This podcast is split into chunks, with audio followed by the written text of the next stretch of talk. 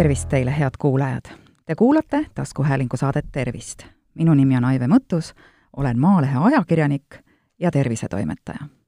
tänases saates kavatsen ma natuke ajalehega krabistada. ja selleks leheks on Maaleht ning ma loen teile ette siit Eesti Haigekassa poolt toetatud leheküljelt artikli, mis annab nõu, mida teha, et laste hambad kriisist tervena välja tuleks eriolukord on küll läbi, aga lapsed on siiski hommikust õhtuni kodus, mistõttu on kindlat päevarežiimi märksa raskem hoida. ning äh, suukooli koordinaator ja hambaarst doktor Kati Vald annabki nõu, kuidas laste hambad terved püsiksid. suukool on Haigekassa ja Hambaarstide Liidu koostöös sündinud projekt, mis seisab hea selle eest, et Eesti laste hambad oleksid terved Äh, suukool annab äh, nõu, kuidas tegutseda äh, siis lastel endil kui ka nende vanematel. hammaste tervena hoidmises pole midagi keerulist. on lihtsad reeglid, mida tasub teada ja järgida. ja järgnevalt siis doktor Vald nendest reeglitest räägibki ja toob välja ka mõned nipid, mida rakendades lapsed hammastele head teha saavad. Neid nippe on neli nii et sugugi mitte üleliia palju. esimene nipp on toitu tervislikult. võib kõlada kulunult, aga lisaks üldisele tervisele on see ka hammaste seisukohalt väga oluline. tähtis on, et nii lapsed kui meie, täiskasvanud, ainult saiatoodetest kõhtu täis ei sööks ja magusaga oma isu ei rikuks. miks siis on magus hammastele halb? Nii nagu me ise, saavad ka suus elutsevad mikroobid suhkrust palju energiat, mille tagajärjel toodavad nad pikka aega hapet. see omakorda muudab hambaemaili nõrgemaks. just seepärast ongi pulga ja lutsukommid hammastele kõige kahjulikumad maiustused, kuna suhkur on pikalt suus ja annab mikroobidele jõudu juurde. paljud valmistooted, mis on küll näiliselt tervislikult, sisaldavad hulgaliselt peidetud suhkruid.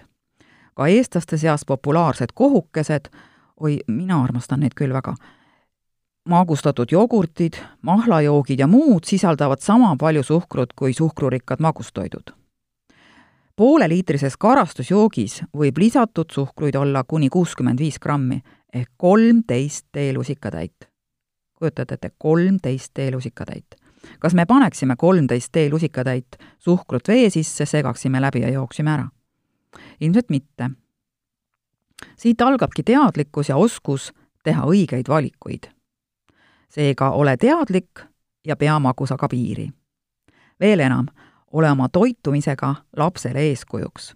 võimalusel väldi toitudesse jookidesse suhkru, mee või siirupi lisamist. väikelaste vanematel soovitatakse maiustused asendada töötlemata köögiviljade, näiteks porgandi, kapsa ja kaalikaga. Need aitavad treenida ka lapse suulihaseid ja pea meeles, et imiku ja väikelapse iga on oluline harjumuste ning maitse-eelistuste kujundamise aeg. reegel number kaks. joo jänu korral vett. igal ajal joomiseks sobib ainult ilma lisanditeta puhas vesi. kõiki teisi jooke tarvita söögikorra ajal, sest igasugune muu jook, no näiteks piim, smuuti, mahl, ka kodune õunav loomi või muu mahl, kui, kuhu ei ole lisatud ühtegi grammi suhkurt, on hammaste jaoks nagu uus söögikord. kui hambad peavad liiga sagelisti võitlema happerünnakuga, ei ole neil piisavalt aega, et suus olevat keskkonda neutraliseerida. reegel number kolm. jäta söögikordade vahele kolm tundi pausi. mikroobid saavad hammaste nõrgestamiseks energiat meie toidust selleks, et hambakude saaks oma tugevuse taastada, peabki pidama söögikordade vahel mõnetunnise pausi. pausi jooksul ei tohiks tarbida midagi muud peale puhta vee. väikelaste puhul on loomulikult söögikordade vahel kahe-kolmetunnist pausi raskem pidada, aga see on võimalik ja väga oluline. kui laps soovib sel ajal midagi näksida, siis tuleks talle selgitada, et praegu hambad puhkavad. ja viimane ehk neljas reegel pese hambaid kaks korda päevas. seda reeglit teame me kõik, kuid teadmisest üksi ei piisa, vaid tuleb ka tegutseda. veel enam, täiskasvanutena sa-, saame oma suuhügieeni harjumustega olla lastele eeskujuks. alates hetkest, mil lapsele esimene piimahammas suhu ilmub, peab hambapesu saama argirutiini loomulikuks osaks. nii et kaks korda päevas alates esimesest piimahambast. Kontrolli lapse hambapesu kvaliteeti ja pese ühel korral päevas tema hambad üle seni, kuni laps saab kooliealiseks. alles siis on lapse käeline motoorika ja ruumiline mõtlemine piisavalt arenenud, nii et ta suudab hambad ise korralikult puhtaks pesta läbi aegade on emad-isad püüdnud väikelapsi hambaid pesema saada keelitamise, meelitamise ja mustkunstitrikkidega. sujuvamaks ja mõnusamaks hambapesuks soovitab doktor Vald aga proovida suukool.ee lehelt leitavaid nippe. tema sõnul on väga vajalik hambapesurutiinist kinni pidada ja seda ka siis, kui päev on olnud pikk ja väsitav. mida kindlam on rutiin, seda vähem laps protesteerib suukooli kodulehelt saab välja printida ka suukooli hambakalendri, riputada selle näiteks vannitoa seinale, et linnukesega ära märkida, kui hommikune ja õhtune hambapesu on tehtud.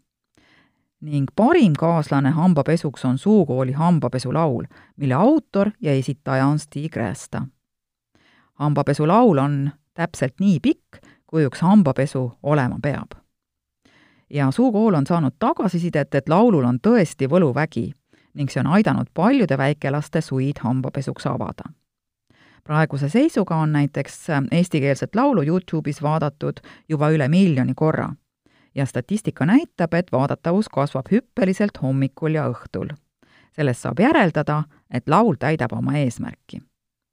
hambapesulaulu noodid on saadaval Suukooli kodulehel ja Facebooki lehel ning hambapesulaul on olemas ka vene ja inglise keeles kuna paljud pered veedavad praegu aega kodus, on see ideaalne aeg nii enda kui oma laste harjumuste ülevaatamiseks ja vajadusel korrigeerimiseks. kõige tähtsam on teha kaht asja. korralikult hambaid pesta ja toidukordade vahel äh, mitte näksida.